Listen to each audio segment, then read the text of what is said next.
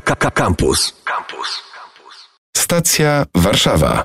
Pani Katarzyna Fagasińska, marketing y, Miejskiego Ogrodu Zoologicznego imienia Antoniny i Jana Żabińskich w Warszawie. Dzień dobry. Dzień dobry. To skoro już formalności i tą długą nazwę mamy za sobą, to będziemy o tym, no właśnie, radosnym miejscu y, mówić ponieważ, i o jego historii, bo tak się składa, że y, Zo Warszawskie 95 lat w tym roku będzie świętować.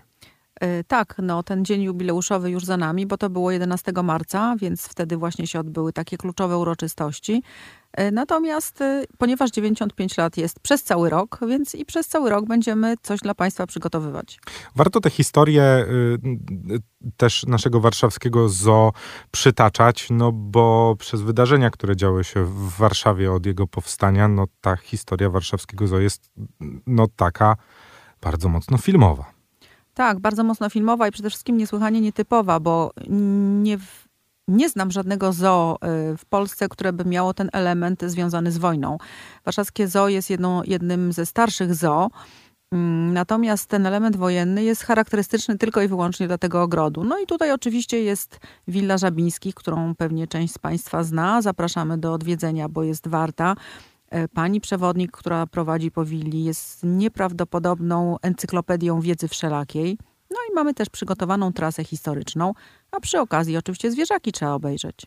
Dlaczego ta, ten motyw wojenny, o którym pani wspomniała, jest tak ważny? Bo wydaje mi się, że to jest w ogóle coś, o czym, e, no właśnie, o czym trzeba i o czym my, jako no już pokolenie ludzi nieco starszych, musimy młodszym pokoleniom cały czas przypominać i nie możemy pozwolić o tym, żeby to w pewnym momencie stało się tylko i wyłącznie chyba takim zapiskiem. No bo ja mam wrażenie, że ta historia cały czas żyje w nas warszawiakach. Tak, ona cały czas żyje i y, jakby dowody tego, że żyje, są po prostu na terenie całego ogrodu zoologicznego, dlatego że już pomijam willę, o której Państwu wspomniałam, czyli y, rok budowy prawdopodobnie około 31 roku, kiedy państwo żabińscy tam zamieszkali. Czyli to jest... Musimy jeszcze wspomnieć, że państwo żabińscy nie byli pierwszymi y, nie, to było dyrektorami. Drugie dyrektorstwo, tak. E, natomiast oprócz tego są jeszcze pozostałości E, jak się chodzi po zoo i stąd właśnie ta trasa historyczna przygotowana i mapki dla Państwa, które możecie pobrać bezpłatnie w punkcie obsługi klienta, które Państwa pokierują po tych miejscach, gdzie po prostu fizycznie widać pozostałości po ogrodzie. Widać e, budynki, które nam się wydają teraz stare, w szczególności na przykład woliera kondora. Jeśli Państwo bywacie w zoo, to wiecie, że to jest bardzo blisko głównej alei. E, tam przez całe lata mieszkał nasz wielki kondor Mendoza. No, imię ma dokładnie takie, jak sobie wyobrażamy. Był to po prostu ptak Menda, jakby na to nie patrzeć, y, który na przykład, y, no muszę to Państwu powiedzieć, bo to fajna historia, który y, chodził za opiekunem. Oczywiście opiekunowie doskonale byli Kondorowi Mendozie znani. Chodził za opiekunem z rozportatnymi skrzydłami i próbował go jakby to ładnie powiedzieć Państwu, zaprosić na randkę. No jajka z tego nie było. No i to mamy właśnie takie historie. Warto się przyjrzeć też e, tej wolierze, bo nam ona teraz się wydaje może taka nieco rzeczywiście historyczna i taka jest. Tam jest w ogóle specjalnie zaprojektowana skała przez pana Gruberskiego, architekta, żeby właśnie wyglądało tak, powiedzmy, jak w Andach. Więc takich rzeczy jest sporo. My ich nie zauważamy, bo przecież szukamy zwierzaków. No i nam pomoże w tym mapka. No poza tym też y, umówmy się, że jest bardzo duża grupa ludzi, takich na przykład jak ja, którzy, z tym, którzy w tym ZOSie tak na dobrą sprawę wychowali. No bo ja do tego ZO chadzam od 30 lat i za każdym razem, gdy do niego wchodzę, to pamiętam już niektóre miejsca, no ale ja z nimi dorastałem, więc ja jakby od swojego początku pamiętam dokładnie, że te miejsca były takie, a nie inne. Dlatego też chyba dobrze jest mieć świadomość, że niektóre z tych miejsc są naprawdę zabytkowe. E, oczywiście, że tak. Zwłaszcza, że przecież Warszawa po powstaniu warszawskim e, no, została praktycznie, nie chcę powiedzieć zmieciona z powierzchni ziemi, ale jestem dość bliska tego stwierdzenia, szczególnie jeśli chodzi o Stare Miasto. W 1939 roku we wrześniu pierwsze bomby to właśnie były bomby, które spadły na zoo i na wybieg, proszę Państwa, Białych Niedźwiedzi, ale to nie jest ten wybieg, o którym myślimy, czyli jak wchodzimy aleją główną po lewej stronie koło Wydr, tylko wtedy te Białe Niedźwiedzie były zupełnie w innym miejscu, po przeciwnej stronie. E, na szczęście e, bomby w pewnym stopniu oszczędziły willę państwa żabińskich. Tam była do wymiany tylko właściwie część związana z szybami, e, jakieś naprawy, więc państwo żabińscy mogli mieszkać. No ale wracając do pana właśnie, mm, do pana pytania, jak najbardziej te ślady wojenne y, i wojennej pożogi w zoo są widoczne. Jeśli y, jesteśmy już po tym czasie bardzo trudnym, my też zachęcamy do tego, żeby odkryć tą wojenną historię Zoo Warszawskiego, bo ona jest z jednej strony bardzo smutna i to, co działo się zwierzętami, ze zwierzętami podczas okupacji, to, co działo się w zoo podczas okupacji, e, no i ucieczka zarówno dyrektora, jak i pani dyrektor y, z tego zoo, a potem ten powrót, no to jest historia, którą, y, którą dobrze by było samemu odkryć. Czy można w ogóle poczytać o tym gdzieś i, i całą tę Tak. historię prześledzić? Można. Ja bym Państwa najchętniej skierowała na naszą stronę mm, www.zoowaw.pl. Tam sobie Państwo zajrzyjcie do zakładki o nas. Jest specjalnie przygotowana cała strona 95-lecie warszawskiego zoo. Ale jak Państwo chodzicie z tą mapką, do której Was z poboru zachęcam, bo jest zrobiona świetnie na wspaniałym papierze, takim trochę podstarzałym, tam macie QR-kody przy wszystkich, więc możecie sobie doczytać dokładnie e, to, o czym właśnie Pan mówi i y, no po prostu jeszcze więcej wiedzieć niż to, co jest właśnie na tej mapce przedstawione.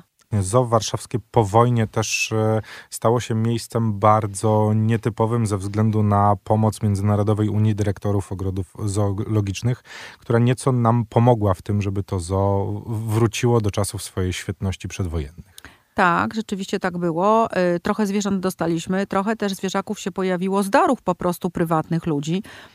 P- y, Dyrektor Żabiński y, w zoo działał jako dyrektor do 1951 roku. Potem y, zrezygnował z tej funkcji. Czasy były niesprzyjające dla takich ludzi jak on, więc zrezygnował. Do zoo już nigdy więcej nie wrócił. Mieszkał na Mokotowie z małżonką.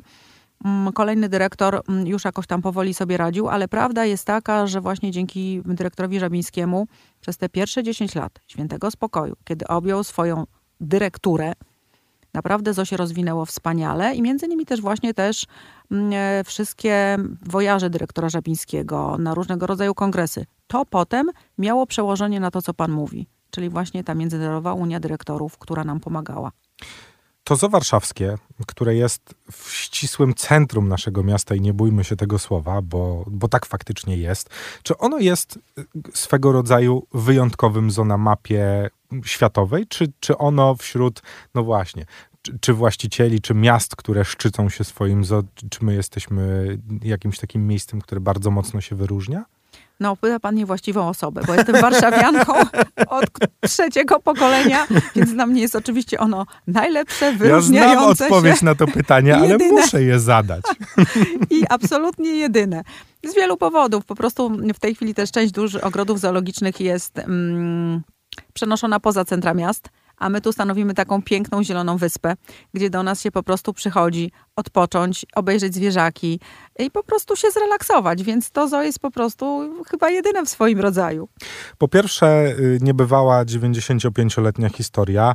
Po drugie, y, no właśnie, gatunki zwierząt, których nie da się zobaczyć nigdzie indziej. A po trzecie, y, nie wiem czy nie najważniejsze, walor edukacyjny. Mhm. To prawda. U nas nasz dział edukacyjny bardzo prężnie działa w tym obszarze. Rzeczywiście prowadzi lekcje e, zarówno dla, nawet dla przedszkolaków do nas przychodzą, ale oczywiście dla e, dzieci w szkole, dla licealistów. I to jest świetne, dlatego że proszę Państwa, możecie po prostu nie dość, że posłuchać od specjalistów rzeczywiście rzeczy, których nie wyczytacie w żadnych książkach, to jeszcze możecie sobie na przykład mm, położyć łapkę na wężu, bo mamy węże i mamy różne zwierzaki, które są tak zwanymi zwierzętami dydaktycznymi.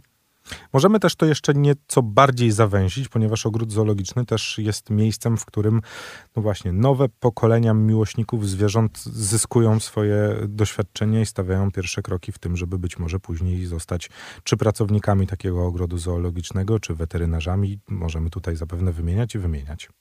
Tak, dokładnie. I tak się właśnie dzieje. Bardzo często y, mamy młodzież, która po takich zajęciach dochodzi do wniosku, że chciałaby pracować w zoo i zaczyna od wolontariatu. No i wolontariat to oczywiście jest ok, ale 18 rok życia musi być skończony, dlatego że człowiek musi być już no, odpowiedzialny i dojrzały. Natomiast od tego się właśnie zaczyna, od różnych rzeczy, które w zoo się dzieją, które edukują, różnych eventów, które urządzamy i które zawsze mają ten walor edukacyjny. No i warto też e, śledzić to, co w ZO dzieje się na bieżąco, z racji tego, że ta oferta też się. To nie jest tak, że do ZO można sobie przyjść, kupić bilet, pozwiedzać, czy pójść na wycieczkę, ale no właśnie, rzeczy dookoła, które się dzieją e, weekendowo chociażby, no jest bardzo dużo w ciągu sezonu. Tak, jest bardzo dużo, bo robimy dużo różnego rodzaju wydarzeń. I teraz jak już mm, właśnie mamy opracowane no, chociażby ścieżkę historyczną, będziemy robić również spacery z oprowadzaniem. Ja taki spacer robiłam 11. Mm, poprosiłam też, e, ponieważ jestem przewodnikiem warszawskim, licencjonowanym, więc poprosiłam swoich znajomych przewodników, którzy zostali przeze mnie jakkolwiek brzmi źle ten czasownik, przeszkoleni. W każdym razie mają wiedzę i też wspaniale będą na pewno prowadzić e, wycieczki z państwem. Także e, myślę, że będzie się działo. Czyli co, zapraszamy wszystkich, no właśnie, czy w ogóle w Warszawie jest ktoś, kto nie docenia warszawskiego ZOT? Ty chyba jakiś... No pewnie, że nie. Czyli nawet tych najlepiej zaznajomionych zachęcamy do tego, żeby w tym e, nadchodzonym, nadchodzącym wiosennym sezonie po raz kolejny y, odwiedzić warszawskie zoo, a jeśli ktoś w nim nie był, no to trochę jak Stare Miasto, to pozycja obowiązkowa, bo mieszkać w Warszawie i nie być w warszawskim zoo? No oczywiście to w ogóle nie wchodzi w grę, w zoo po prostu trzeba być i trzeba właśnie tak jak pan zobaczył, wspomniał, sięgnąć do tej kolejnej warstwy, czyli i zwierzaki, i otoczenie, które, nas, y, które jest koło nas i właśnie ta warstwa historyczna.